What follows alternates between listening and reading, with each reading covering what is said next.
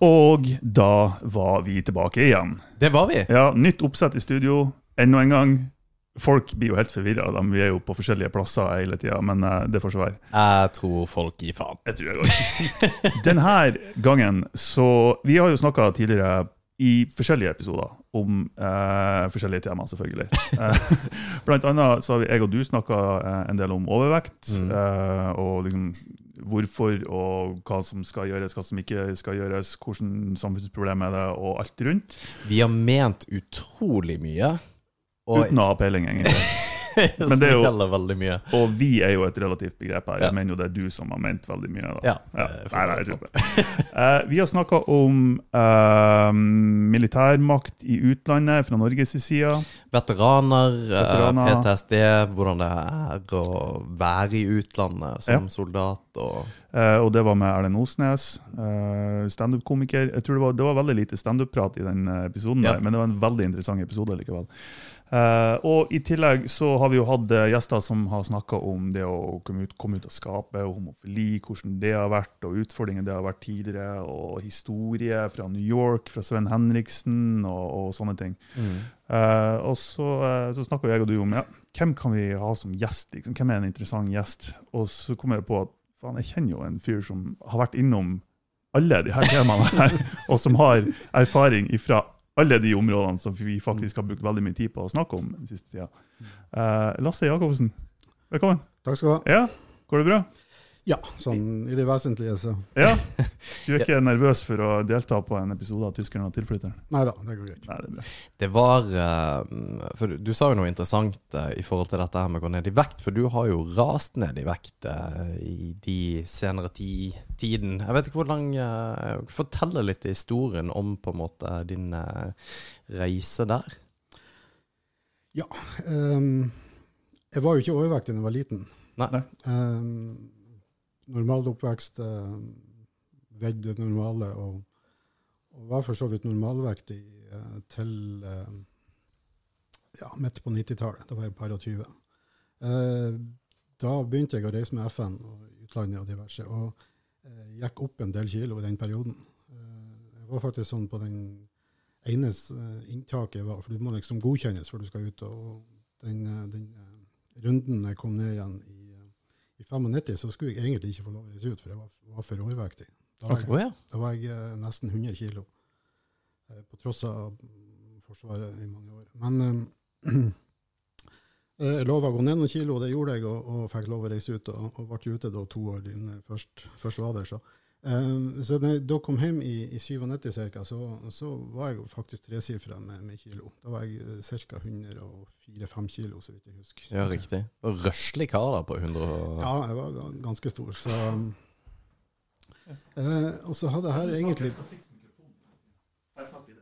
Egentlig så, så begynte det å balle på seg mer og mer. Altså det, det var ikke sånn, sånn, sånn eh, fryktelig fort opp, men det balla på seg.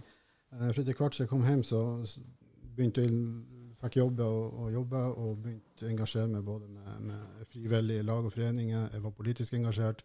Reiste mye. Det var hotell, og det var singel. Eh, litt sånn kaos mellom ørene og, og sånne ting. Så det eh, Sakte, men sikkert så, så, så begynte vekta å, å, å komme. Eh, og jeg fikk meg en, egentlig en liten sånn Den første vekkeren jeg fikk i rundt 2003, da døde faderen. Han var 54. Han døde av, av for å si det rett ut, av, av alkoholisme og overvekt. Mm. Eh, Det var i 2003. Og da var jeg, da veide jeg meg, da var jeg ca. 100 og noen og 30 kilo. Ja, at da Jeg har jo kjent mange som har bikka 100, uten at du egentlig ser at de er noe særlig stor. Men når du begynner å bli rundt 130, Ja. eh, med mindre du selvfølgelig bor på vektgymmet og spiser eh, meksikansk gryterett eh, hver dag, så, så eh, da er du stor, altså. Ja. Ja. Eh, og da, da, da fant jeg ut Skulle jeg bli 50, så måtte jeg faktisk gjøre noe. Og da gikk jeg ned det neste året, bare på, på pur F, egentlig. Eh, og når man snakker om, om slankemetoder og, og, og kurer jeg har, Alt er prøvd, for å si det sånn. Mm. Eh, og da gikk jeg ned, og da var jeg nede på, på, på, på rundt 95 kilo. Og så gikk det et år til, så var jeg 140 kilo. 140. Ja, altså Ja. Det, var, det var ned, og så var det rett opp igjen. Ja. Og, det, og det, er den klassiske. Du, du, du, du klarer som på et finurlig vis å gå ned ganske mye kilo, det, men du klarer ikke å vedlikeholde det. Det er det som er problemet. Så, Mm. Så, da, så da var det grunn på igjen. Um, ja, vekta var si, stabilt, forholdsvis stabil, 140 kilo, men så eh, la det ennå seg på noen kilo etter hvert. Og den store vekkeren kom vel egentlig da i 2014. Mm. Um, da var jeg um, Bare ta mikrofonen enda litt nærmere. Ja, det skal jeg gjøre. Ja, sånn. Da var jeg eh, 44, eh, kjøpt hus på Finje, flytta dit. Eh, var rimelig gående egentlig mot sommerferien og tenkte at mm, eh, nå trenger jeg ferie. Mm. Da lå jeg på Finje i tre uker og, og nærmest sov. Jeg ble ikke noe særlig diggere, for å si det rett ut. Ja, riktig. Og så ble det oppsøkt en doktor, og det var en vikarlege. Jeg skal ikke gå så dypt inn på den, men eh, jeg fant ingenting for høyt blodtrykk mente han, og sendte meg, hjem igjen. Og, eh, men eh, jeg fikk tak i fastlegen etter en, en par måneder, og da var det konstatert ganske alvorlig diabetes 2, for å si det rett ut. Mm. Men hva, når du lå på, du lå på rundt eh, 100, 140 Mm. kilo, hva var det som gjorde at du gikk fra 95 til 140? Nei, det er rett og slett bare slørv. Altså man, man, man tenker at ja, nå er jeg ferdig med det, og så, og så, og så detter man tilbake i grunnen til, til gamle synder. Ja, Så det var ikke noe som gjorde at du gikk opp, altså noe du opplevde? Eller Nei, noe, Det var ikke, var ikke noe, var ikke noe, noe sånt. Men det, det var en tid med, med ganske mye kaotisk, og jeg var politisk og, og hadde masse å gjøre, og det var eh, singel og, og, og generelt kaos, egentlig, med det, eh, på forskjellige år. Så det, det var bare sånn det ble. Mm. Og, og du skulle si så, så, så lenge det ikke har, har helsemessige konsekvenser, så lenge jeg kommer opp om morgenen og, og, og faktisk skulle si, puster av egen hjelp, så, så, så, så gjorde man egentlig ikke noe med det. Mm. Men når man da i 14 fikk, fikk konstatert en, en såpass alvorlig diagnose som diabetes 2 Jeg var bare noen uker unna at jeg faktisk har omkommet, mente fastlegen. Mm. Så, så det var da jeg egentlig ga beskjed om at nå setter du meg på lista for operasjon. Um, så det var da i 14. Eh, jeg fikk kontroll for så vidt på diabetesen etter, etter hvert, og, og gikk på noen, noen tabletter og, og la om kostholdet. Men allikevel, jeg, jeg klarte ikke å gå noe ned i vekt. Jeg gikk jo egentlig bare og venta på at, at det offentlige skulle begynne å, gjøre sitt med, med operasjoner. Og, og, men med det offentlige helsevesenet så vet man at det, her, det, det går ikke noe særlig fort. Um, så 14 ebba ut, og 2015 ebba ut. Ikke en puck, ikke et brev, ingen verdens ting. Mm. Eh, I begynnelsen av 2016 ble jeg eh, da innkalla til en um, spesialist i, i Mosjøen som, som formelt godkjente meg for et, et videre løp. Og da var det gått halvannet år. Og um, ja. Det er egentlig tid du kanskje ikke har. ja. Det er veldig dyrebar tid, i hvert fall. Ja, for det at um, så kom det noen brev, og så ble det innkalla til Eller jeg ble forespeila et, et um, en undersøkelse i Bodø utpå høsten, oktober 2016. Mm. Og så skrev vi brev til dem og spurte hva er det her? Er det, er det, er det en forundersøkelse for operasjon, eller er det bare ei utredning og enda mer eh, papir og, og, og venting? Og det fikk jeg ikke svar på engang. Så da i, eh, i, eh, i juli, da så, nei, rettelse, i slutten av juni tok jeg kontakt med Aleris, som da er et privat sykehus i Oslo. Mm. Eh, Norges største på operasjoner, private operasjoner, og, og fikk eh, tilbud om, om eh, operasjon hos de. Okay. En gastric bypass, som det heter. hva er det for noe? Eh, det er en kortversjon er en operasjon som du fjerner nesten hele magesekken. Eh, du kapper av tynntarmen, og så flytter du den opp der som, eh, der som Så de første halvannen-to meterne av tarmen er bortkobla hos meg. Mm. Ja, riktig. For det er en del av næringsopptaket som skjer i den delen av kroppen. Så, så jeg har jeg, i praksis ikke magesekk, jeg spiser rett i tarmen, som jeg bruker å si. Ja, riktig. Det, det er, Men hvorfor, hvordan kom du frem til at det, det var det du skulle gjøre? At på en måte her kan ikke jeg ta, ta av kinoene på, på vanlig måte, her må jeg opereres? nei, for det, det var egentlig en erkjennelse at man har prøvd alt. Eh, altså alt fra Nutriletta og bare og, og, og you name it. altså Kurene og, og alt har vært prøvd. Har du prøvd. Herbalife? Ja da. jeg, jeg, jeg, har en, jeg har en kaptein i Forsvaret som, som var en av Norges største på Herbalife, som faktisk var på meg til Forsvaret. Så, så han, han har forresten tatt kontakt med meg nå, eh, 20 år senere. Ja. Det, var, det var ikke en reklame for Herbalife, snarere tvert imot. Den bare skyter ut det. Så, så eh, Eh, Jo da, eller sånn, sånn slankemetoder de fungerer stort sett, bare du klarer å holde deg til dem. Men det er ingen som klarer å holde dem. Det er det som er problemet. Ikke sant? Hvordan, for, for du sa det var et privatsykehus, Ja. eh, Aleris. Mm. Eh, hvordan kommer man i kontakt med dem? Hvordan er det i forbindelse med økonomi? Er det dekket noe av staten? Må du betale alt sjøl? Hvordan funker det?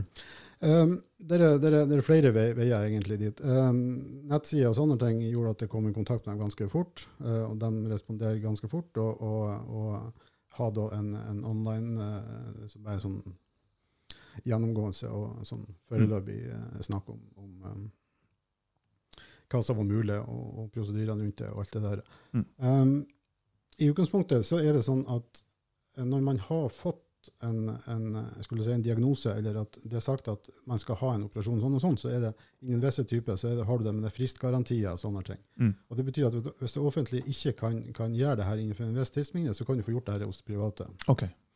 Um, det som var, det var det at eh, jeg har ikke tid å begynne å styre med det offentlige. Jeg orka ikke. Jeg fikk et pristilbud, uh, ordna finansen, og, og undertegna egentlig da kontrakten eh, ganske fort. Da, Mm. juni. Og da fikk jeg eh, operasjonsdato da i august, altså to måneder senere. Hvor Ok. mye koster det? Eh, En sånn operasjon i seg sjøl koster 118 000. Ja, riktig. Og det, så etter 118 000 så er det på en måte magesekkene du, du, Har du hatt noen komplikasjoner i ettertid? Nei. Eh, altså Selve operasjonen gikk aldeles strålende. Det, det var eh, profesjonelle folk, og det var litt sånn, sånn ironisk egentlig man snakker om offentlig helsevesen kontra private helsevesen. Eh, Nå kommer et offentlig kontor eller legekontor og, og tannleger, og sånn, så ligger de og ser og hører hjemme og, og det nye og alt det der på bordet. Når du kommer på Aleris, så sitter du inne i rommet. Der ligger Finansavisen. så så det, det, det, det sier litt, men det, var så sånn eh, altså Det var sånn stålkontrollen på det som, det som skjedde. Alt var lina. Det var, det var, vi var syv stykker som, som ble operert eh, den samme dag. Okay. Um, den 1. august, jeg ble operert 23. august, 1. august da var jeg siste gangen på, på Da har jeg en peak på 157 kilo. Mm.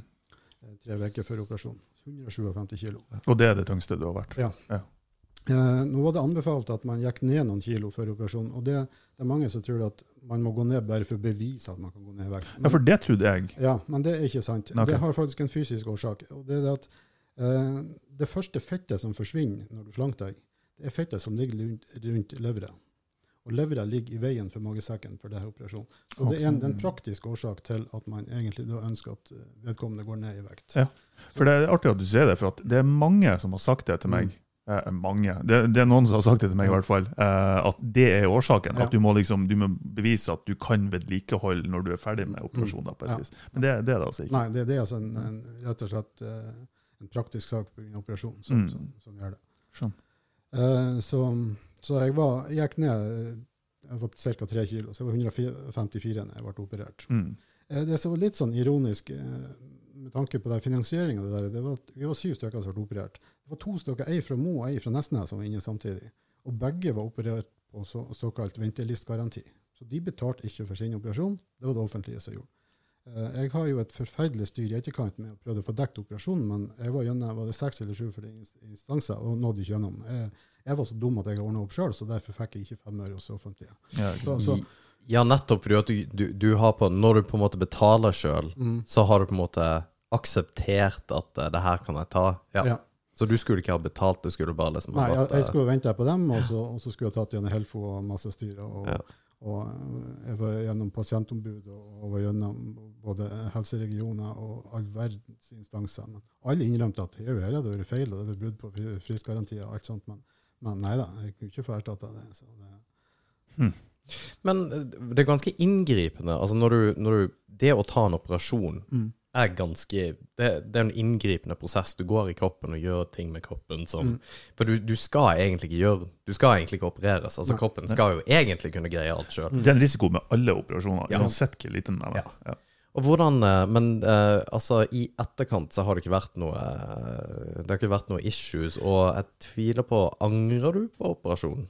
Nei, altså i, i dag er det eh, Jeg kan ikke si at jeg angrer, nei. Det, Ga det deg et nytt liv? Et vis? Det- Definitivt et helt nytt liv. Ja. Um, det er jo en del som blir plaga i etterkant. Uh, det ene er jo det selve operasjonelle. At, at, uh, si at, uh, for det er en del skøyter. Du du må kappe bort noe, og du flytter noe tarmer, og, og du må sy det her igjen. Og, er noen bukevegger. Og, men uh, teamet på Aleris er en av de ledende i Europa på den type. De har utvikla en del ting som senere ble standard i andre land. Og, og, for å si det sånn, De vet hva de holder på med. Så, Mm. så, så det er dyktige folk. Så jeg har ikke noe sånn, sånn fysisk eh, Det er vanlig med, med brokk og, og lekkasjer spesielt. Det er ting som går igjen. Og, uh, så det har fungert aldeles glimrende. Det- Hvordan tida etter operasjon? Uh, jeg tenker Litt sånn kortsiktige og litt langsiktige. Hvordan var liksom dagene etter operasjon? Hvordan hadde du det da? Og hvordan har du hatt det på et lengre perspektiv i etterkant? Altså hvor fort rant kiloene av, f.eks. og sånne ting. Men vi kan begynne med det kortsiktige. Hvordan, hvordan var dagene etter operasjonen? Nei, du kan si at, at jeg tror aldri jeg har kjefta så mye på en sykepleier så de første fem minuttene etter at jeg våkna. Mm. For det, de begynte å gnale om at de måtte puste og, og, og, og holde det. For du er jo tilkobla, og du blir jo vekk til livet igjen og, og våkne opp. Og, og, så tenkte jeg faen, nå begynner jeg å få leketøy. Og det fikk en sånn liten sånn plastdings, en sånn liten rød en med sånn, sånn tut frampå. Og så tenkte jeg aha, hva er det her for noe? Og det, men det, det er sånn for å trene opp lungene, rett og slett. Ok. Og, det, og jeg fikk beskjed hele tida at nå må du puste, nå må du puste. Og når jeg ikke pusta, så begynte maskinen å lage et helsingens spetakkel. Så, så de første, første kvarter, halvtime var, var grusomt. Men så var det bare opp på føttene og så var det ut, ut og gå. For det, var, det fikk jeg klar beskjed om at jo tidligere jeg var oppe av senga, jo bedre ble det. Mm. Så, så da, da begynte jeg å vase i korridorene med, med, med si, dryppe på, på, på stativ.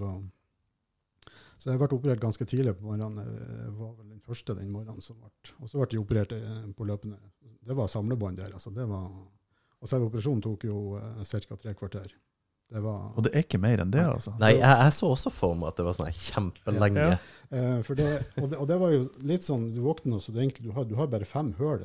For det er sånn kikkhullskirurgi. Mm. De åpner jo ikke. Nei. Eh, nå hopper jeg litt fram, men, men to år senere så fikk jeg jo fjerna en masse hud, og da skar de jo bort alt i, i, forkant, egentlig. Ja, ja. Eh, men det var en offentlig operasjon. Ja. For det tenker jeg også er, for det er jo noe man hører om, eh, i hvert fall for folk som har vært eh, ja, si veldig store. Da, de har jo, konsekvensen er jo, når du blir veldig mye mindre da igjen, at eh, det blir mye løs hud. Eh, og det er jo, som jeg snakket om i stad, liksom det er langsiktige Mm. greiene. Hvordan har de erfaring vært med det? Altså, jeg, jeg gikk jo jeg bruker ifra å gå fra 157 kg og ned til, til Målet mitt var å komme ned til 79. For 79 er det magiske tallet for det her såkalte BMI-en. Eh, når du har BMI på 25 eller høyere, så er du definert som overvektig. Mm. Og ut ifra min høyde av det, så, så måtte jeg ned på, på under 79 kg. Og da var jeg under 25 i, i BMI. Okay. Så det var målet. Og det nådde da i eh, Jeg ble operert i august i 16, og den målet nådde jeg i mars i 18. Mm. Da har jeg gått ned 80 kg. Ned til 77 kg. For eh, her er en ting som, som bare slår meg nå, at når jeg tenker eh, operasjon for fedme, så tenker jeg at de skjærer vekk fett. Men det er jo ikke det de gjør. Det, er de gjør det er jo en operasjon, det òg, men det er jo en annen operasjon. Ja, ikke sant? Ja. Men de gjør deg i stand til å faktisk kunne Ja. gå ned i vekt det er vel, eh, på, på en lettere måte. Det er vel det, Ja. det de gjør. Ja. Fordi at den, den første tida av operasjonen så er det jo bare, det er jo bare flytende. Du går på suppe og suppe, og, og, og, og for å si det sånn, eh, og det er for å tilvenne også det systemet innvendig, at du ikke ødelegger de, de sårene som er der og gror og, og alt det der. Eh, og jeg husker jo når jeg, jeg tror det gikk, var tre uker, da får du liksom gå over til litt mosa mat, som det heter. Mm. Men så inkluderer de knekkebrød. Når jeg fikk sett tennene i et knekkebrød på tre uker Nei, gud fader, det, det var himmelen. Vi, det, og det er litt funny, for vi, vi, har pratet om lykke. Dette her altså lykkefølelsen for ting. Og det er litt Ja. funny Den lykkefølelsen du har for å spise et knekkebrød, Ja. det må jo ha vært enormt. ikke sant? Ja, Sannsynligvis en av de bedre opp gjennom tida. Men og, og, og apropos det, lykke den, eh, For livet ditt eh, Og nå, nå antar jeg bare, fordi jeg vet ikke, men jeg vet eh, jeg kjenner en del overvektige mennesker som sliter veldig Uh, psykisk. Og selvfølgelig jeg, vet, eh, som alle andre, ikke nok om på en måte psykisk lidelse, depresjoner, angst og disse tingene. Det skal ikke jeg snakke om. Men jeg tør å påstå at vekta har en veldig stor del av psykisk helse, da. Mm. Og hvor, hvor mye bedre har du eventuelt hatt det etter at du tok operasjon, eller etter at du gikk ned i vekt? Altså det, det har jo vært en helt annen verden, egentlig. Det, altså, det er jo ikke sånn- Skulle si at omverdenen ser på deg med, med litt andre øyne etter du har gått ned i vekt. Altså, okay. altså, de ser egentlig to forskjellige personer. Altså, på innsida er man jo likeens, men, men det ytre er jo, er jo uh, forskjellig. Og, og Hvordan da? Nei, altså, de, du, du får en helt annen aksept, egentlig. Ok. Altså, det kanskje farlig å si, men eh, det er ikke sikkert man, man, man kanskje har fått den siste jobben man har fått, har man vært 160 kilo. Altså altså det er rett og slett en, en fysisk begrensning som, som, som, eh, som, som, som man har. Og, og man ser jo verken sunn eller andre ting ut. Så, så, eh, for, for det har jo, når man har vært overvektig, det har jo handla om hvor hen går det an å parke nærmest mulig døra til, til Priksen og butikken og, og, og senteret man skal inn i. Og, og, um, så, så jeg har jo merka det at der man har fått eh, Folk ser på deg med litt andre øyne, ja. Det, Mm. det er det ikke tvil om. Det er litt snedig det, for det gjør du, Martin, nå. Mm. Du parkerer jo nærmest butikken uansett hva det Jeg du, jeg, jeg var en av dem som diskriminerte. Liksom. Bare, Nei, det, det, så det Jeg vet Jo da, jeg gjør det. det Men eh, ja, for, og, og det er interessant at man på en måte Man blir tatt imot på en annen måte i samfunnet i forhold til hvilken vekt man har. For i, i hodet så er jo det samme, på en måte. Eh, Jeg kan jo si den, En av de store vekkerne det har jeg når, når det, det var mens jeg eh, jobbet i var i forrige jobben. Jeg skulle til, til Kristiansand eh, på et møte med en bank. Eh, og um, som har, har reist med Widerøe, har jo omtalt den såkalte BMI-benken. Fordi at alle som, som er forholdsvis, eller litt tyngde på, for å si det sånn, vi blir satt på bakerste benk på et Widerøe-fly. Det har med vektbalansen i flyet å gjøre. Okay. Ja, riktig. Eh, sånn at det var liksom Man må behøver ikke å se på flyvertinna, det var egentlig bare å gå bakerst. Eh, For, for der, der var det var fast plass. Men, men det som var på den turen der, det var det at eh, på tre av de fire flyene jeg bruker, så måtte jeg faktisk be om å få gravidbelte. For jeg, jeg fikk ikke belte rundt magen. Og, det var en av de største nederlagene. Ja. jeg- Ok. Og, og det, det er klart, flyvertinna håndtert sånt, og det, det Mm. er ikke noe problem. Men, men, men eh, og, og, og nå ser jeg jo det, det er stygt å si det, men jeg ser jo med litt sånn, sånn skar, skarpt øye på de som er litt store og, og, sånne ting. Om du setter på et fly, og, de tar både ett og to seter, skulle si det, Mm. det Mm. Irriterer du deg over det? Ja, altså, jeg har jo vært der, så jeg, jeg, Ja. jeg, jeg, jeg er jo Ja, altså, man, man tenker jo sitt. Det, Jo, fordi at det der eh, er litt interessant. Um, for jeg sa jo uh, i en pod vi snakka om uh, vekt eh, i høst, Mm. um, ganske krast da, at uh, En kontroversiell episode. kanskje. Ja, eh, hvor jeg sa eh, Og, og det var ikke eh, det, var, det er for å sette det på spissen, fordi at det, det er mye grunner til at man går opp i vekt. Det er psykiske, det er ytre årsaker. Det er forska veldig mye også hvorfor man går opp i vekt. Mm. Uh, veldig mye her i Norge. Og det, en av tingene jeg sa, var at uh, Det var nesten ekkelt å si, men jeg sa at uh, de som er overvektige, er late. Fordi at man, man kommer ned i vekt uansett, hvis man vil. Men det er sånn som du, du, du står her og sier, du, du prøvde jo alt, mm. og du fikk det ikke til. Nei. Men du, du har jobba noe jævlig med deg sjøl uansett. Mm. Fordi at du, du har ikke Du har ikke juksa med å ta en operasjon. Nei, eh, og, og det var jo faktisk eh, eh, Det var jo svært få som egentlig visste at jeg hadde tatt operasjon. Ja. Eh, Så den første tida så, så holdt jeg det rett og slett skjult. Det var Mm. noen få nært meg som, som visste om det. Og, og, men etter hvert så, så, så ble det jo ganske synlig at her var det noe som har skjedd. Mm. Fordi at kiloene de, de rast jo. Mm. Eh, Sånn at um, Når begynte folk å merke det? Eh, Du kan si jeg Hvor lang tid etter? I, i august. Jeg var jo jeg har jo tatt av, jeg passerte den 100-kilosgrensen. Jeg var under 100 kilo. Det var i juni året etterpå. Mm.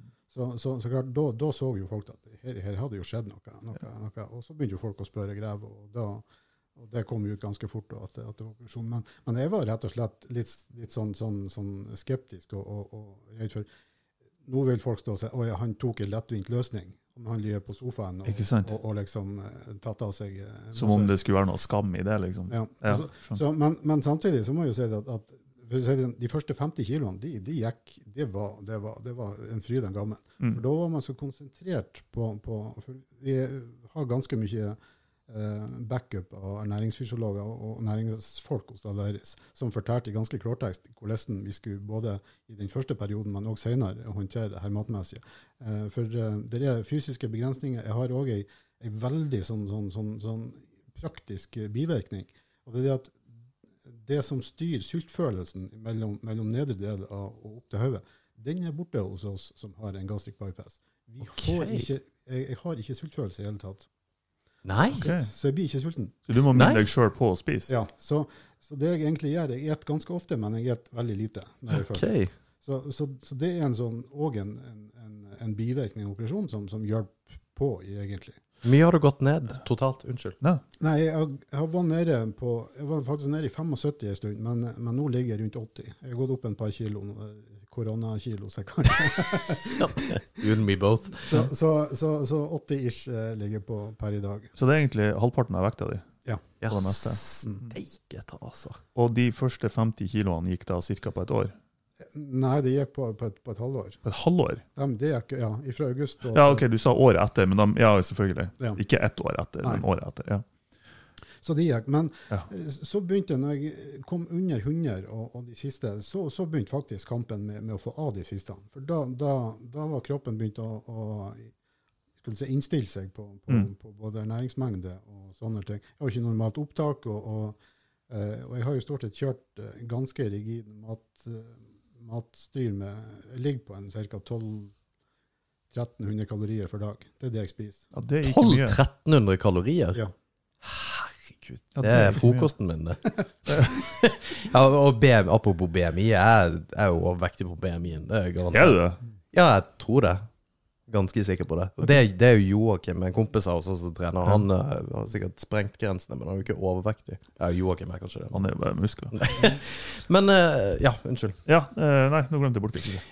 Fordi at det, det har hatt ekstremt mye å si for deg, det der å gå ned så mye vekt som det har gjort. Og eh, sannsynligvis også gitt deg eh, noe nytt i livet. Ny, nye perspektiver og så mer selvtillit. eh, og da Ja, har det det, forresten? Ja, Ja, Har det gitt deg mer selvtillit? Ja, så definitivt. Ja. Altså det, det, det kan ikke sammenlignes Ja. egentlig før og, før og etter. Det, Og det må, det må være å gå rundt og sånn som du sa, at du blir tatt imot av samfunnet på en helt annen måte. Bare Mm. det, det er, det er ganske sinnssykt, akkurat det der. altså.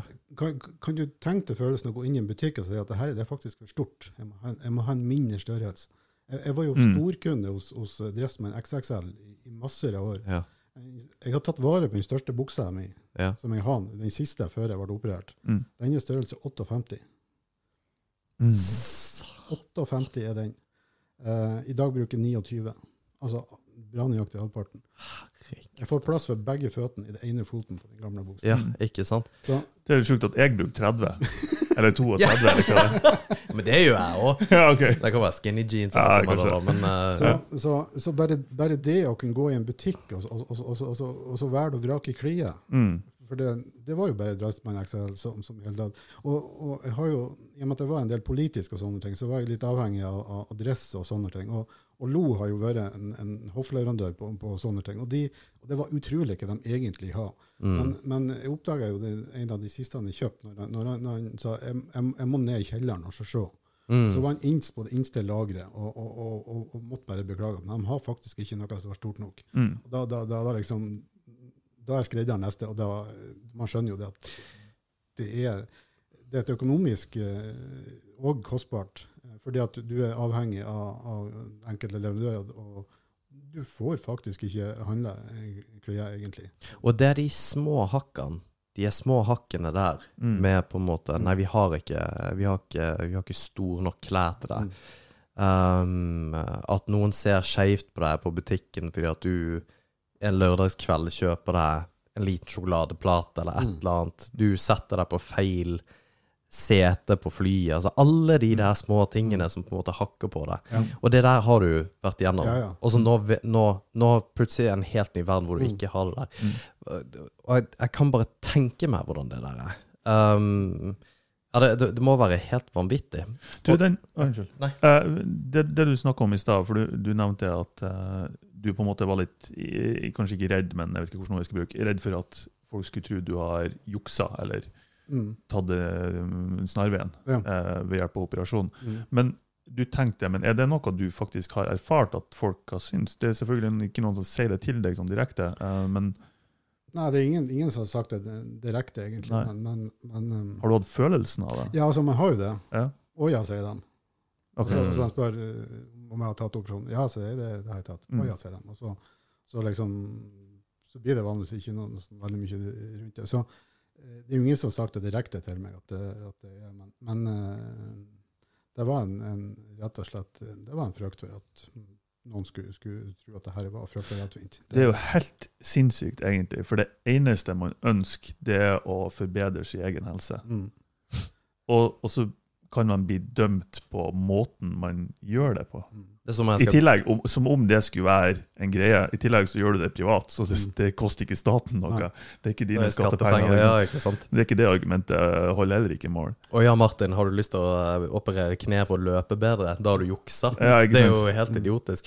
Men oppi dette her, hvor du på, igjen har det, det psykiske, og den, den vridninga hvor på en måte livet blir enklere på et vis, ha, er det noe Backdrop er jo at du har kommet ut av skapet uh, i relativt Altså du, nylig, da. Hvor, når kom du ut av skapet? Um, jeg begynte jo ganske tidlig etter operasjonen å, å, å starte en del fysiske eh, ting. Um, og det har resultert i, i, eh, for å si det sånn, rimelig mange timer på fjelltur. Mm. Um, alene, eh, timevis. Eh,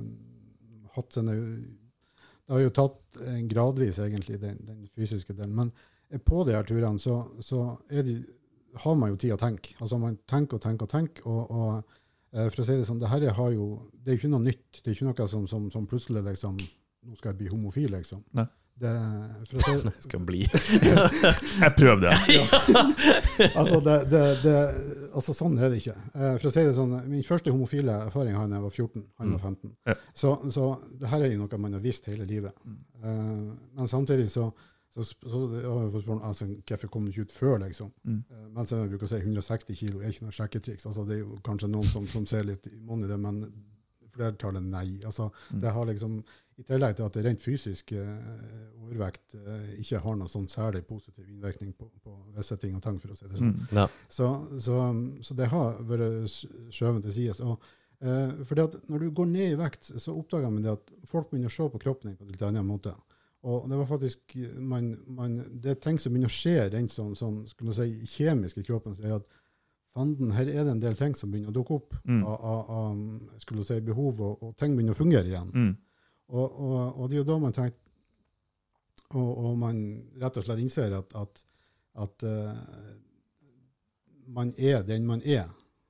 Og, og det resulterte jo da i at jeg da i, uh, i desember i 17, 1. desember, da endret jeg statusen på Fjesboka, uh, interessert i menn. Mm. Eh, Jeg gjorde ikke noe stort nummer, egentlig, men eh, jeg, eh, de første jeg, jeg snakka med, det var faktisk eh, en som, eh, som jeg kjente veldig godt, og som var homofil. Mm. Og da liksom la jeg det ut at eh, jeg var i samme båt. Det var den første jeg sa det. Og så informerte noen få, og så, og så ordna bygdesladderen resten. Jo, jo. Det er jo, altså, En ting er Mo, men du er fra Finni i tillegg. Ja. Det er ikke akkurat, Så- det er utkant av Mo igjen. Så, så jeg tok det litt sånn gradvis. altså Folk begynte å, begynte å se. Jeg fikk et sånt uh, regnbuearmbånd fra Amnesty og litt sånn Mm. uh, Begynte å gå litt med sånn rosa sokker. Og, og, og, altså, altså, det har vært et lite sånn varemerke, forresten. Eh, Men er det, det Sorry, for nå høres jeg helt idiot ut. Hvis, hvis det er det godt i det der, så hadde folk tenkt ah, han der er sikkert homofil, eller? Det, er- det, er ikke en, det, er, det er ikke en sånn et litt sånn subtilt tegn. Jeg vet det er et teit spørsmål, men jeg må jo spørre. Nei, men jeg, jeg kan ta meg sjøl Altså, jeg kan uh, igjen, for dem som hørte i begynnelsen Jeg hadde altså jobba i lag i mange, mange, mange år. Mm. Uh, og jeg, jeg husker ikke når det ble sagt, men det var lenge etterpå på en måte du Mm. hadde offentliggjort det på Facebook. Mm. og sånne ting. Jeg følger jo ikke med på noe som helst. ikke sant? Jeg får ikke med meg noe. og jeg tror det var et år etterpå eller noe, så bare i en eller annen sammenheng bare, så, så, så, eh, så kom det frem Mm. at du var kommet ut av skapet for et år siden. Jeg bare Hæ? Er han Lasse homofil?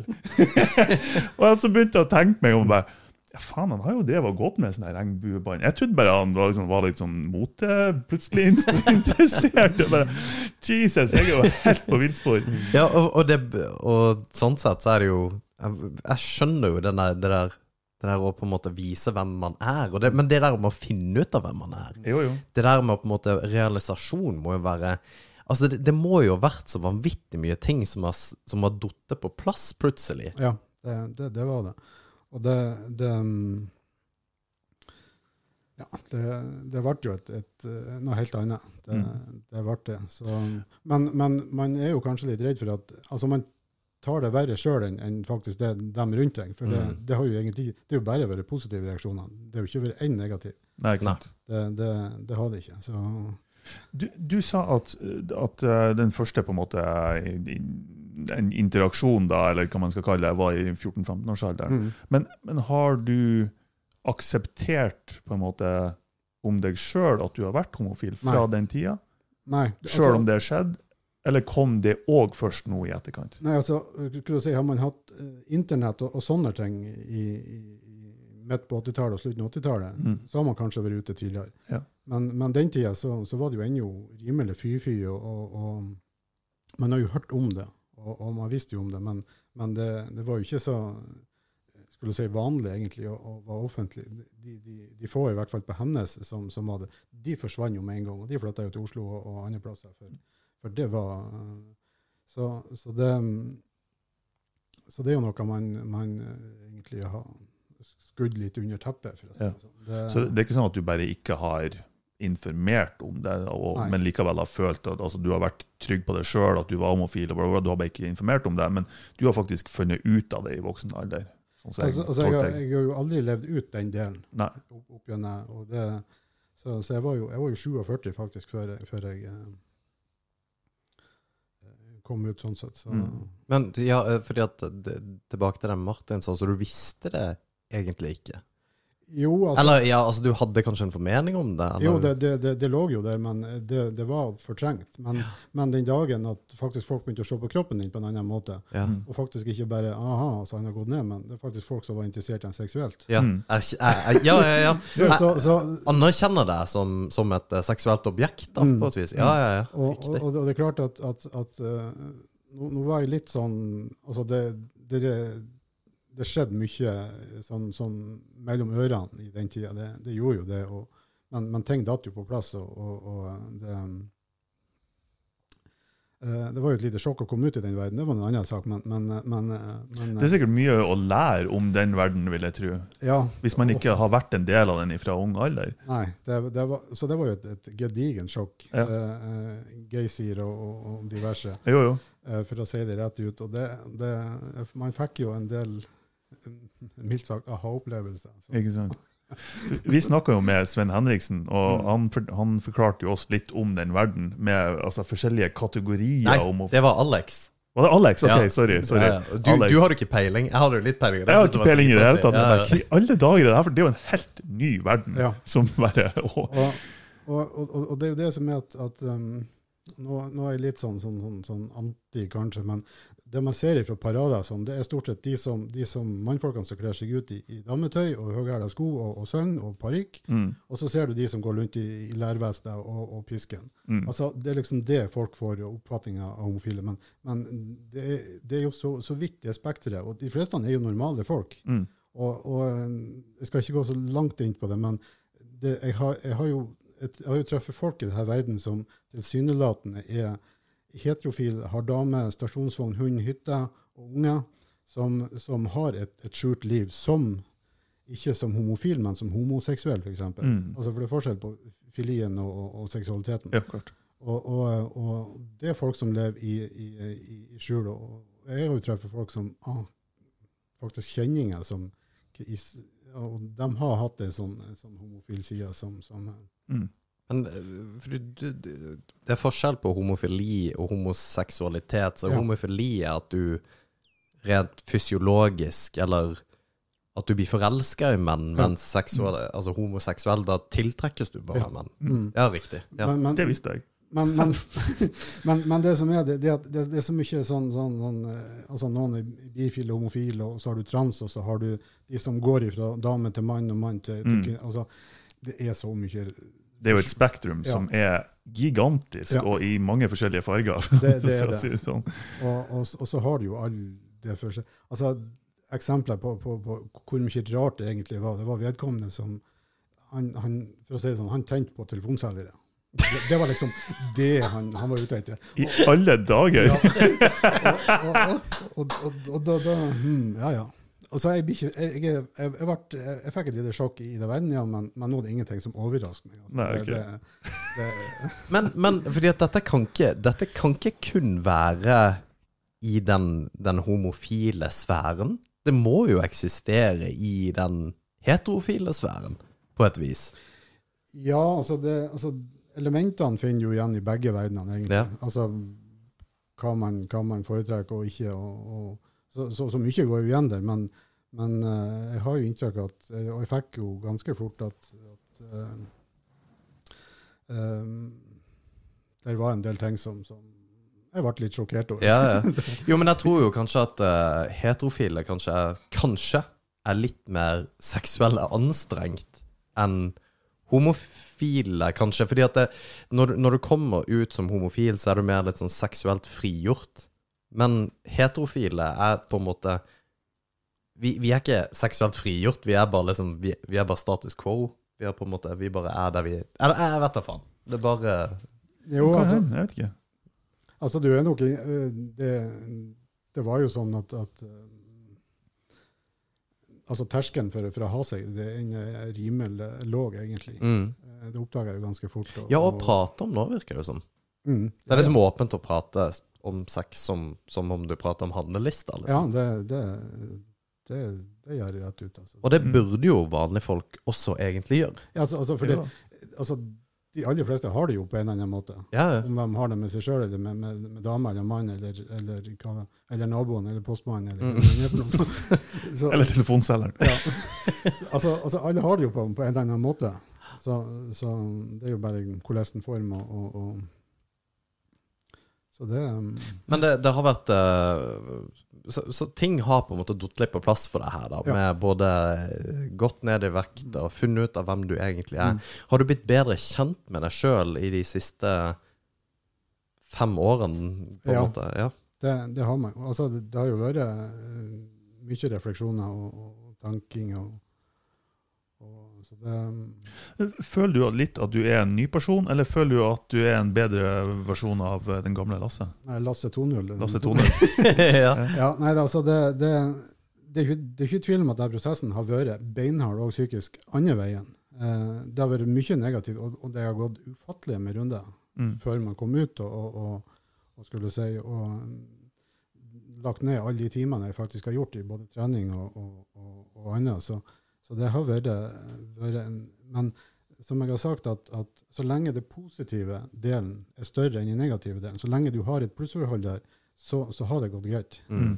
Uh, men det, en annen sak er at, eh, og det har Aleris, og for så vidt før du opereres, så, så blir det alvoret mot det. Hvis du ikke har kontroll på, på det som er mellom ørene før operasjonen, så bør du ikke ta operasjonen, rett og slett fordi at du, du får så mye følelsesmessige eh, svingninger i etterkant at hvis du har ting du sliter med før operasjonen, så blir de faktisk verre etter operasjonen. Okay. Sier du det, ja? Sånn det, at- det er ikke noe fasit til lykke, liksom? Nei, det er ikke det. Og, og, og det kan man ta et kjapt Google-søk, og det er folk de angrer som en hund på, på operasjonen, eh, fordi at de har blitt annerledes. Og, og de er, eh, jeg har jo blitt litt mer sånn altså Før var jeg et typisk ja-menneske. Jeg sa ja til absolutt alt, rubbel og bit. Eh, nå har jeg faktisk kommet så langt at jeg har begynt å si nei til ting. Mm. Mm. Sa jo ikke nei til det her. da. Nei da, Nei. heldigvis. Og det er vi veldig glad for. Så, men jeg, jeg er blitt mer direkte. Jeg gir mer F eh, og, og sånne ting. Og, og jeg er blitt mer sånn, sånn det, så, så enkelte har kanskje opplevd meg som, som endres personlighet kanskje lite grann. Mm. Det, det, det hadde nok skjedd sånn. Du, jeg tenker på Og det her er bare igjen i mitt hode, det er ikke sikkert det er sånn i det hele tatt. Men når, når du var eh, Når du var såpass stor som du var, hadde det noe sammenheng med det du har fortalt nå, med at du på en måte ikke har kommet ut med egentlig hvem du var. Og, Ja. eh, Var det en sammenheng der? på Ja, noe vis? Det var- definitivt. Ja. For, for det, det var liksom ikke noe, noe, noe tema. Det var ikke noe å, å eh, Som jeg sa litt tidligere, at, at 160 kilo er ikke noe sjekketriks. Og, og, det, og man egentlig ikke har noe, noe, noe liv den, på den sida. Mm. Så, så da, da ble det ikke, ikke at man tok det steget. Men var det òg var det også en grunn til at du ble så stor som du ble, tror du? Jeg vet ikke. Det, det, Nei. det, Nei. For det var ikke det at du var eh, For det, for det jeg sånn umiddelbart tenker, jeg er veldig jeg er dårlig å formulere spørsmål, okay? men at du ikke var tilfreds med din egen tilværelse fordi du ikke har kommet ut, du var litt usikker på det sjøl, liksom, du hadde ikke helt funnet deg sjøl, at du derfor At det eh, eh, på en måte endte opp med at du spiste mer, eller ikke hadde det bra med deg sjøl, eller Altså, det, det er jo en kjent sak at, at eh, problemer, altså, altså ulike psykiske og sånne ting, eh, ofte medfører overvekt. At, Ja. at man, man, man, Det er egentlig det jeg tenkte. Man, man finner gleden i, i, i, i, matskapet. Ja. ja. Um, men jeg har jo en fryktelig uvane med at det ble gjort på, på enkleste måte. Og, og et, et lite sidespor, men, men jeg slutta å røyke i 2011. Jeg, jeg røykte jo sånn, sånn 20-25 for dag i, i 20 år. Eh, og i 2011 så, så kom det her berømmelige e-sigaretten. Mm. Ah, Det husker jeg. Det husker jeg. Lasse og e-sigaretten. ja, Ja. eh, så da la jeg Marlboroen på hylla, og så, så begynte jeg å importere fra diverse, diverse Asia og, og juice, og, og gikk over til sigarett. Og, og, og holdt på med det en stund, og, og la den faktisk òg bort. Og, ikke så fryktelig langt etter. Jeg glemte den faktisk en gang jeg dro på arbeid og fant ut at det her det gikk jo bra uten den. ja, ikke sant. Så, så, så da slutta jeg med den òg. Um, diabetesen han forsvant eh, en par måneder etter operasjonen. Så var jeg erklært fri for diabetes 2 òg. Okay. Da var blodsukkernivåene normale. Diabetes 2, for du, du har forskjellige typer diabetes. Hva, hva er egentlig forskjellen på dem? Eh, diabetes 1, da, da, da forsvinner insulinet egentlig. Mens diabetes 2, da har du insulin, men du har for lite, eller det, det, det virker ikke. Okay. Altså, altså du får uh, Da produserer bukspyttkjertelen som normalt, egentlig. Mm. Men det er et eller annet om de slutter helt å virke, de er det, men de, de har ikke den virkninga de skal ha. Mm. Så Og det er diabetes 1 som den, den har du for bestandig hvis Ja. du først får den? Ja. ja da er du avhengig av å sprøyte vanligvis. Ja. Og, Men du, du er helt fri nå? Jeg er helt fri. ja. Eh, Jeg sliter faktisk andre veien. Eh, fordi at eh, det er en konsekvens av operasjonen er at de sensorene som registrerer typiske ting som fett og sukker, som, som, som da kroppen produserer insulin for å regulere blodsukkeret, de sensorene er mer følsomme, og i og med at dette går i grunn rett i tarmen og rett på sensorene, Mm. så leser de skulle si, feil verdier. De tror de får mer sukker enn de får, og dermed så får jeg en overproduksjon av insulin. Så jeg sliter med, med det motsatte. Jeg har for lavt eh, jeg, jeg heiv jo den, den, den apparatet fra mål, måle blodsukkeret, så jeg måtte jo pikke for å kjøpe meny igjen. Fordi at jeg har mistanke om at dette ble altfor lavt igjen. Mm. Og jeg har jo målt verdier helt ned på totallet, og en medisinsk mann vil jo si at det er ikke bra. Nei. Så det har jeg fått det motsatte problemet. Mm. Så, eh, og, det, og det er forholdsvis ubehagelig, men det, det skyldes rett og slett det jeg spiser. Så, så det må jeg passe på hele tida, hva jeg faktisk spiser, og, Mm. og, sammenhengen der. Og så, sånn eh, stikkord med tanke på kosthold og diett, hva, hva er det på en måte du prøver å unngå, og hva er det du må spise mer av nå for å Nei, altså Problemet er at jeg har ikke plass til mat. Så jeg, Ja, okay. jeg, jeg spiser nesten ikke mat. Mm. Og det jeg spiser, det er proteiner, proteiner, proteiner. Ja. Det, det er liksom det det går i. Det er ren kjøtt, ren fisk, eh, kanskje litt grønnsaker på sida. Mm. Eh, jeg skyr karbohydrater som pesten. et ikke potet. Et litt nudler, eh, i og med at jeg eh, lager veldig mye asiatisk-inspirert eh, mat. Mm. Eh, så, så, så det har vært en sånn gjenganger. Så det går på. Og, og prioriterer man pri proteinene, så kommer kaloriene av seg sjøl. Altså du- det er stort sett ren kjøtt og ren fisk. Det, det er ikke mye kalorier i, sånn, sånn at du, du, du slipper å tenke på det. Ja. Men det er klart at, at jeg, jeg kanskje er ute, og, og senest, i, senest i går laga jeg eh, fryktelig stor kaloribombe. så, så, men eh, det, og, og det, det er jo faktisk en, en, en plage når du, når du Altså, en, en, en julebordsbuffé Mm. Øynene er sultne. Det er, det et mareritt. Fordi at det, du vet du får ned, det, er én bit med, med, med, med pinnekjøtt, og så får du ett ribbestykke, Og så kanskje to skeier med, med riskrem til dessert. Og, og så sitter sidemannen og henter sin fjerde tallerken liksom, med, hågen på. Det, Ja, herregud, så jeg kan ete det. Da tror jeg jeg har blitt sint. det, det er deprimerende. Ja, det vil jeg tro. Eh, og jeg har jo episoder eh, sånn som Hvis jeg reiser nordover med bilen og sånn, stopper i Saltdalen, de, Mm. de har jo buffé. De, Mm. Den er jo viden kjent for. for men okay. men det, det bruker jo Det får jo ofte avtaler med, med at du får såkalt barnepris på det. Ja. Når jeg liksom forklarer situasjonen, og det har stort sett vært veldig gøy. Og det var litt komisk. Jeg var i Oslo eh, i fjor. Jeg, var, jeg tror jeg var på Max, eh, eller en av de kjedene. De, de har sånn typiske sånn, sånn, sånn settmeny. Mm. Jeg velger jo selvfølgelig den minste, for jeg bruker å skje ut når jeg er i Oslo. Da går jeg på McDonald's. Eller, det er et sånn lite sånn unntak fra den, den hovedregelen. Ja. Og, og det er litt sånn, sånn, sånn artig, for da, for da får jeg en barneleke i lag med på, på ja. Happy mealen. Ja, for det er liksom og, ja. Men uh, altså, før dette her starta, denne overvektsreisa di starta, så du, du har jo hatt noen kontingenter i utlandet. mm. Um, når var det du først var i utlandet i forbindelse med Forsvaret? Um, jeg starta først med Forsvaret i 90 cirka. Da var jeg i førstegangstjeneste i Bodø, Mm. Luftforsvaret. Uh, drev på med noe sånn uh, bakke til luftmissilet, Norwegian Adapted Hawk, som det het den gangen. Um, trivdes faktisk veldig godt egentlig etter hvert i Forsvaret, og søkte om, om uh, å bli vervet. For da var det som grenaderer, men de har ikke stilling til meg da. Og, men så gikk det en par år, og så, og så fant jeg ut faen, jeg skal søke. Og så søkte jeg meg til, til Libanon, og ble uh, innkalla og til uh, Unifil kontingent 29, som det heter. Det var i 1992 på, på vårparten. Og Unifil 29, da er det fordi at det er to kontingenter Er det én kontingent i året, eller er det to kontingenter Det i er to, året? to i året. Ja, ikke sant. Så du har en, en, Så det er sånn ca. hver 15 år da i Libanon når du kommer inn dit.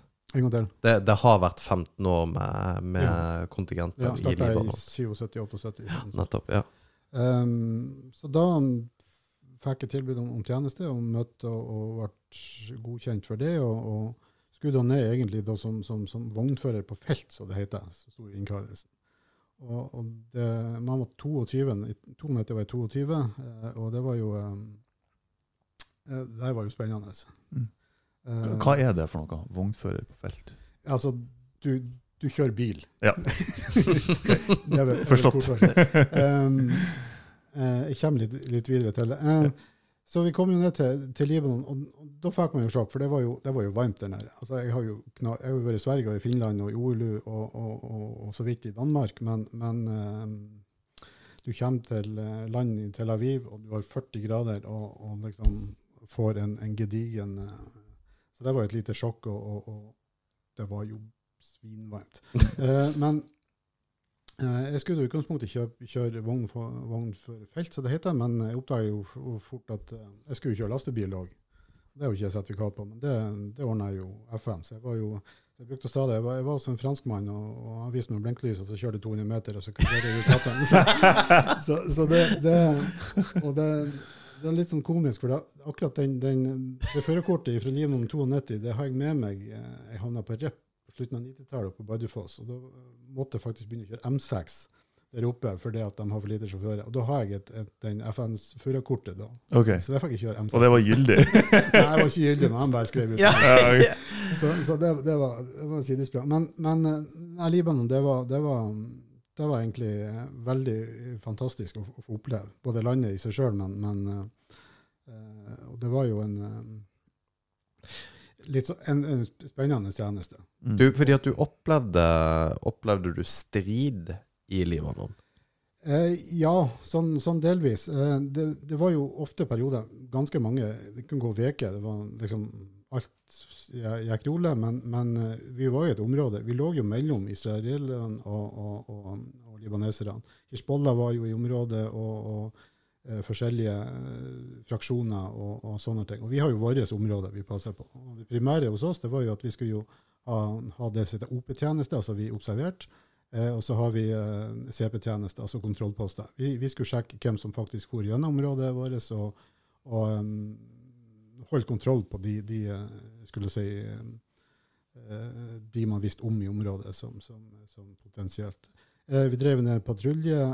vi drev um, roadside, altså sjekka av, av, av bomber langs veiene og, og, litt sånn forskjellig sånt. Men ellers var det stort sett vanlig hverdag og bare passa på og, og sånne ting. Mm. Så, så det var jo ikke noe sånn voldsomt med, med, med, med krig i den forstand. Men israelerne for jo stadig vekk gjennom områdene våre til sendeposisjoner, og det var Jo, fordi at det er jo uh, Nå er jo mange av de fleste nordmenn som kanskje er nede i uh, så, sånne land hvor det er konflikter, konfliktland, da, er ikke nødvendigvis at når folk tenker at man er der nede i Forsvaret, så er man på en måte du, og skyter. Og, og, i strid det er jo de aller færreste. Til og med FSK er jo ikke ofte de uh, skyter, på, på et vis. Men jeg har en kamerat som var der nede i Libanon rundt omkring samme tid som der, om det var ett år før, eller når det var for noe, men rundt begynnelsen av 90-tallet. Og han sliter den dag i dag fordi at det kom var et, eh, et barn på 8-9-10 år som eh, De kjørte Sisur, da, som er en mm. slags form for uh, kjøretøy på seks hjul. Okay. Uh, Pansra kjøretøy. Han står der oppe med 12-7-en, altså, som, er, som er et våpen som de har hatt siden annen verdenskrig. Tungt våpen, 50 kaliber. Uh, helautomatisk. Ja, helautomatisk. Voldsomt våpen, da. Uh, og når du står på 12-7-vakt, så, så, skal du på en måte passe på folkene dine. Fordi at det er mm. den som gir mest ild og har mest mm. kraft. Og der plukker det barnet, eller har det barnet, en AK eller et gevær. Mm. Og så vet han ikke om han skal skyte eller ikke. Og han er 19 år gammel. Mm. Og altså, Jeg kan bare tenke meg nå hvordan det kan være. Men han var 19 år gammel, og så står Skal jeg gjøre det? Skal jeg ikke gjøre det? Skal jeg gjøre det? Skal jeg ikke gjøre det? Hvor uh, barnet på en måte ler og bare, fordi at han leker bare, mm. bare, ikke sant? Det er, ikke noe, det er jo bare tull. Og jeg tror ja, Og så bare sprang han av gårde med våpenet. Så det var ikke noe mer enn det som skjedde. Mm. Men han sliter den dag i dag bare med at han holdt på å ta livet av et barn. Mm. Fordi at det, det, kunne være en fare. Ja, klart. Mm. Og så er det klart, Men uh, du, du, har ikke, du, du, har ikke slitt noe i etterkant med den tjenesten du har vært uh, i. For du, du har jo vært sju deployeringer har du hatt. Jeg har syv kontingenter. Syv forskjellige kontingenter. Ja. ja. Og det er ganske voldsomt, bare så at folk forstår det. Sju ganger ute og reist. Det er ikke Altså, som jeg sa til deg, jeg kjenner jo majorer som har vært ute fire ganger mm. uh, i, i, Afghanistan. Men du har jo vært i, i krigsherja lander på 90-tallet mm. sju ja. ganger. Ja. Uh, jeg har én kontingent i Libanon, og så har jeg seks på Balkan. Første gangen i Balkan resten er i 93. Og det var jo på høyden. Det var, mm. det var da det starta. Ja, det starta jo i 92 egentlig, bakan, ja. men, men, eh, det eskalerte jo. Mm. Og, og, og, for så vidt hele perioden 93, 94, 95 eh, I 96 begynte å, å, ordne seg litt mer. Da var Nato på tur inn og, og litt forskjellig. Så, så det, var, det, var, brutale greier. Eh, Balkan så drev vi jo på med det som heter transportkontroll. Eh, Norwegian Movement Control, som enheten heter. Og vi har jo ansvaret for, eh, for alt av, transport inn og ut av, hele området. Eh, spesielt på flysida. Vi bemanna alle flyplassene, tok ned flyene, håndterte passasjerer, gods og sånne ting. eventuelt mer lokale det var ikke Alstan i Sarajevo, for eksempel, Da styrer vi flyplassen sjøl. Det var jo verken, toll eller politi. Det. Mm. Så da har vi den franske fremmedlegionen til å passe, oss, passe, på oss på flyplassen. Det var liksom sånn, oh ja, sier du det? Eh, og fransk loading-team og, og, litt sånn. Så, og, og det, det, det, var jo brutalt. Det, det skjøt de jo hele tida. Og, og, og kulehuller i flyene, det var ikke uvanlig. og sånne ting. Så det, mm. det var du, Men samtidig så var jo en, en halvtime, tre kvarter med fly ut til Split så var det jo rene skjære feriekolonien. Ja. Zagreb var det, var det, for så vidt stilt. Eh, det var òg en halvtime unna nærmeste. Eh, så det var, det var, mye forskjell. Og du fikk jo reist mye i Balkan. Jeg kjørte mye bilen gjennom der. Eh, jeg har en liten historie om faktisk en korgværing som kom nedover. En, en kjenning av meg som, som, som, kom ned. og Han skulle da til Splitt. Så skulle vi ta med oss en bil da fra Zagreb den, no, no, no, ned til Split. Eh, så vi har to biler med oss. Og samtidig fikk jeg òg med meg jeg tror det var 25 000 tyske marker som kom med til den norske helivingen. Okay. Og så måtte jeg spørre deg, Karan, ja, skal vi kjøre den sikre ruta, altså kjøre ut til kysten og så kjøre langs den, den halvøya, og så, og, så, og så utenfor, eller skal vi kjøre hvor det kanskje skjer litt? Ja. Og de var jo selvfølgelig interessert i å se litt. Mm. Så, så jeg gjemte 25 000 under førersetet, og så la vi av gårde. 25 000 mark, det var ganske mye. Det snakker vi 100 000 norske, tror jeg. Ja. For, for å si det sånn, den kroaten som peiva AK-en inn uh, sideruta mi når jeg ble stoppa Mm. nedi der, han visste det der, så jeg ikke jeg sittet her i dag. Det, Nei, nei, nei, det er jo overbevist om. Altså, du, du, har blitt, du har blitt pekt et våpen på? Ja, ja, det har jeg. Ja, ikke, ja, ja, ja, ja. Ja, ja, herregud. og, og, og det, er det, det er det som eh, For du, du, du eh, Vi, vi prata jo litt eh, til å begynne med, og det virker jo ikke som at du har hatt noen eh, issues med dette du har opplevd. Og Nei, det, det har blitt peka et våpen på, bare det Mm. Mm. Altså, det er jo ikke Det er ikke en bagatell. Nei, ja, det, altså, altså jeg har ikke slitt Nei. etter det. det, det, det. Men jeg vet de som har slitt atskillig mer enn meg, og som, som faktisk ikke er i live i dag. De har rett og slett tatt livet av seg. Mm. Så, men det, det er andre ting som, som, som eh, episoder som, som eh, I og med at vi drev f.eks. det her med flyplassene, og, og spesielt det her med eva evakueringer, så, så har du en, en del episoder hvor, hvor, hvor det er folk som, som, som altså Du klarer rett og slett ikke å identifisere dem på ID-kortet ut ifra det som ligger på båra, som evakueres.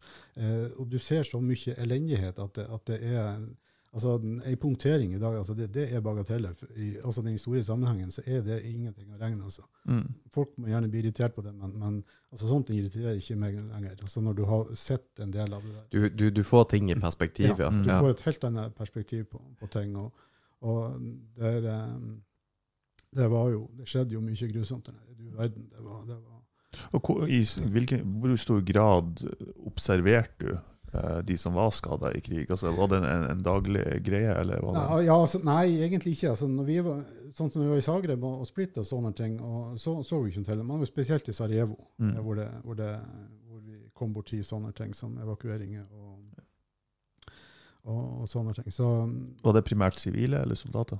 Det var sivile. Men det var, men det var òg selvfølgelig militære som eh, det, det var jo eh, Vi har jo sånn morgenbrif på flyplassen. eh, for Den franske Fre- Fremmedlegionen har, har sikkerheten. Sånn at eh, flyplassen var i, i begynnelsen av krigen et område hvor sivilbefolkninga sneik seg gjennom flyplassområdet nattestid for å komme seg ut. For serberne har beleira Sarajevo. Og Skulle du ut derifra, så, så, så var det liksom å komme seg gjennom det her. Og flyplassen som FN da har kontroll på, var et område hvor de skulle si med, med, med minst eh, konsekvens, hvis det ble oppdaga, Mm. eh, tok seg over. Eh, etter hvert så, så begynte jo å og mindre folk, og da begynte ryktene om den berømmelige tunnelen å, å komme.